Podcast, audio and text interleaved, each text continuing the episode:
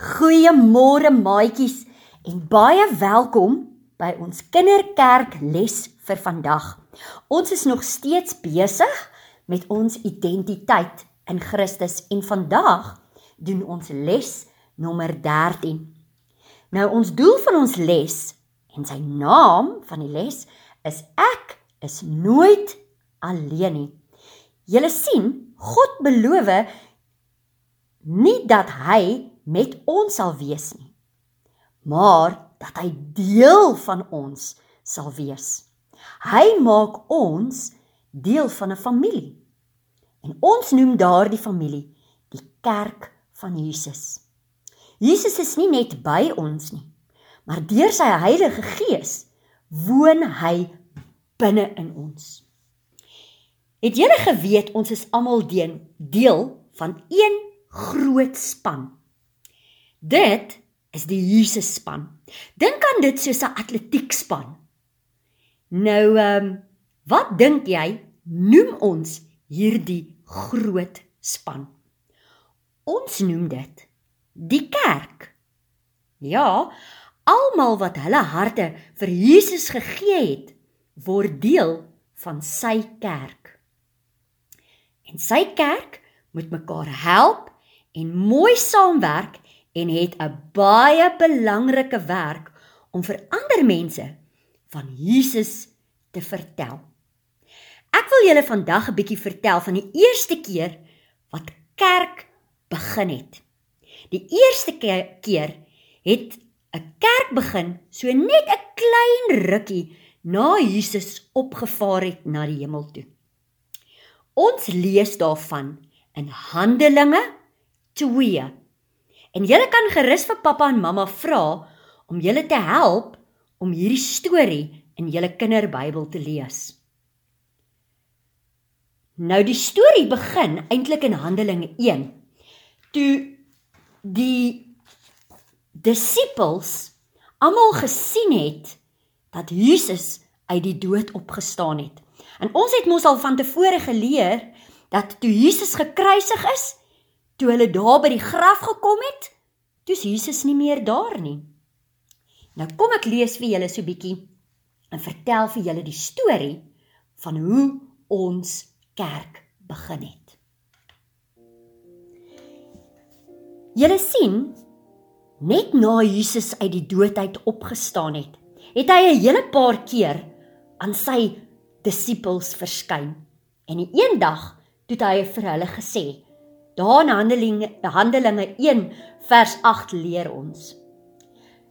Hy het vir hulle geantwoord: Dit kom julle nie toe om die tye of geleenthede te weet van die Vader deur sy eie mag bepaal het nie, maar julle sal krag ontvang wanneer die Heilige Gees oor julle kom.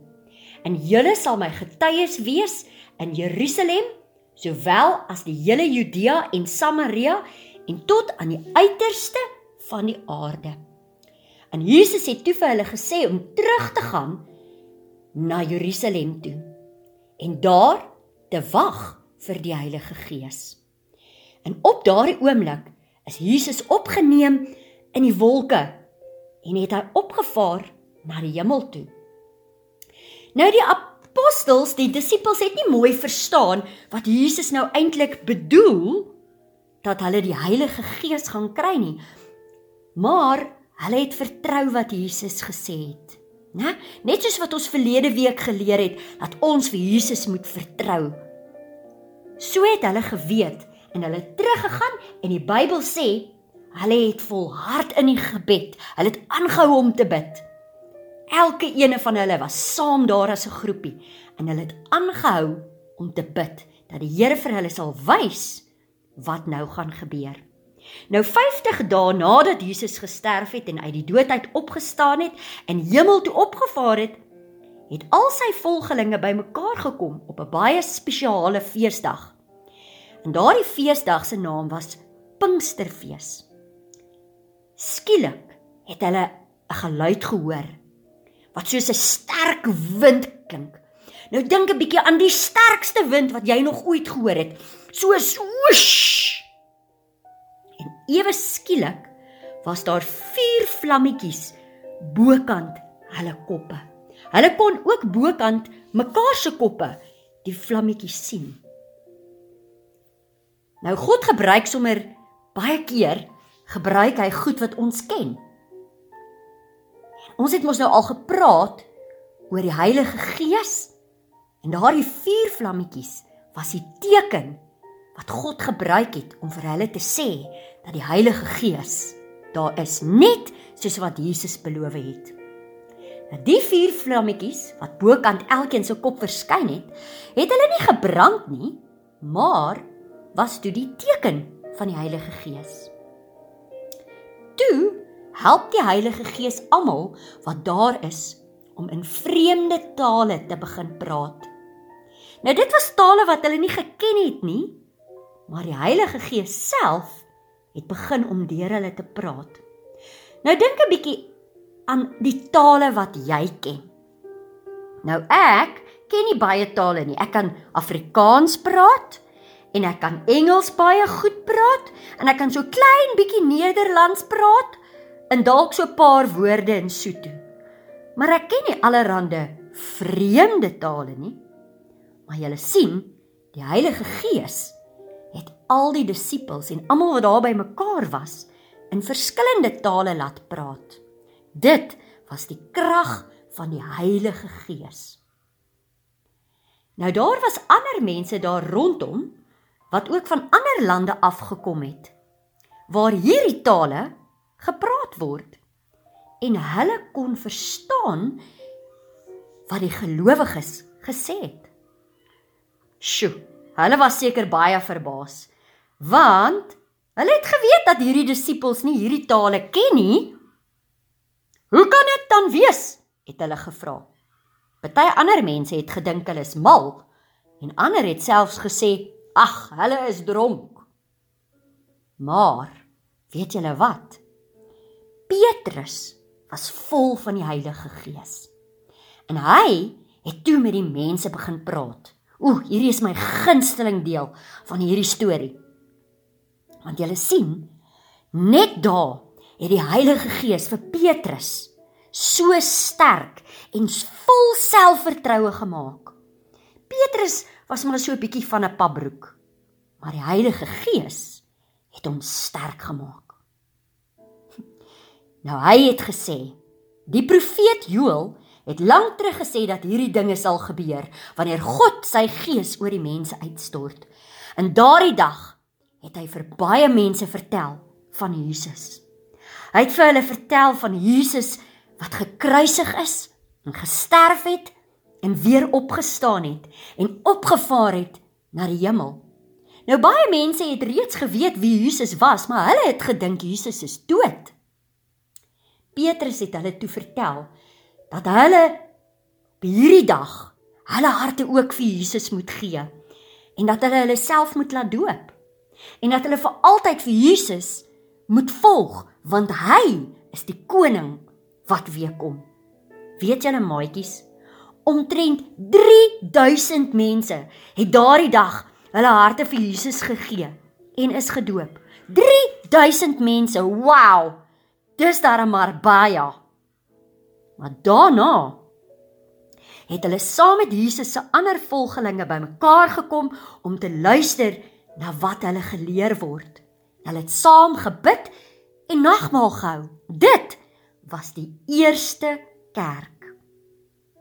Nou party van hierdie gelowiges het sommer alles wat hulle gehad het verkoop en die geld gegee vir mense wat dit nodig het. Jesus se volgelinge was baie gelukkig en dankbaar wanneer hulle elke dag in die huis van God, die tempel, bymekaar kom. Hulle het selfs in klein groepies by hulle huise bymekaar gekom en geluister na wat God vir hulle wil vertel. En dis mos nou presies wat die kerk is, né? Ons gaan na die kerk toe om te hoor wat God vir ons wil vertel of ons nou na die kinderkerk toe gaan of die groot kerk of sommer net daar by jou huis is terwyl jy luister na wat God vir jou wil vertel. Maatjies, Is dit nie wonderlik om te hoor hoe hierdie eerste kerk begin het en al die mooi dinge wat hulle gedoen het nie? Sjoe, daar's nou sommer nog baie stories in Handelinge van al die wonderlike goed wat die eerste kerk gedoen het. Nou hulle het saam vir God geprys, saam nagmaal gehou en baie het hulle goed verkoop en van die geld gegee vir die mense wat arm was. Hulle het hulle kos gedeel en baie keer ander mense gehelp. Vandag is ons ook deel van God se kerk. Elkeen van ons wat ons harte vir Jesus gegee het en wat die Heilige Gees binne in ons woon, ons is nooit alleen nie. Want ons is deel van Jesus se kerk. Nou die kerk beteken ook dat ons die krag van die Heilige Gees binne ons het.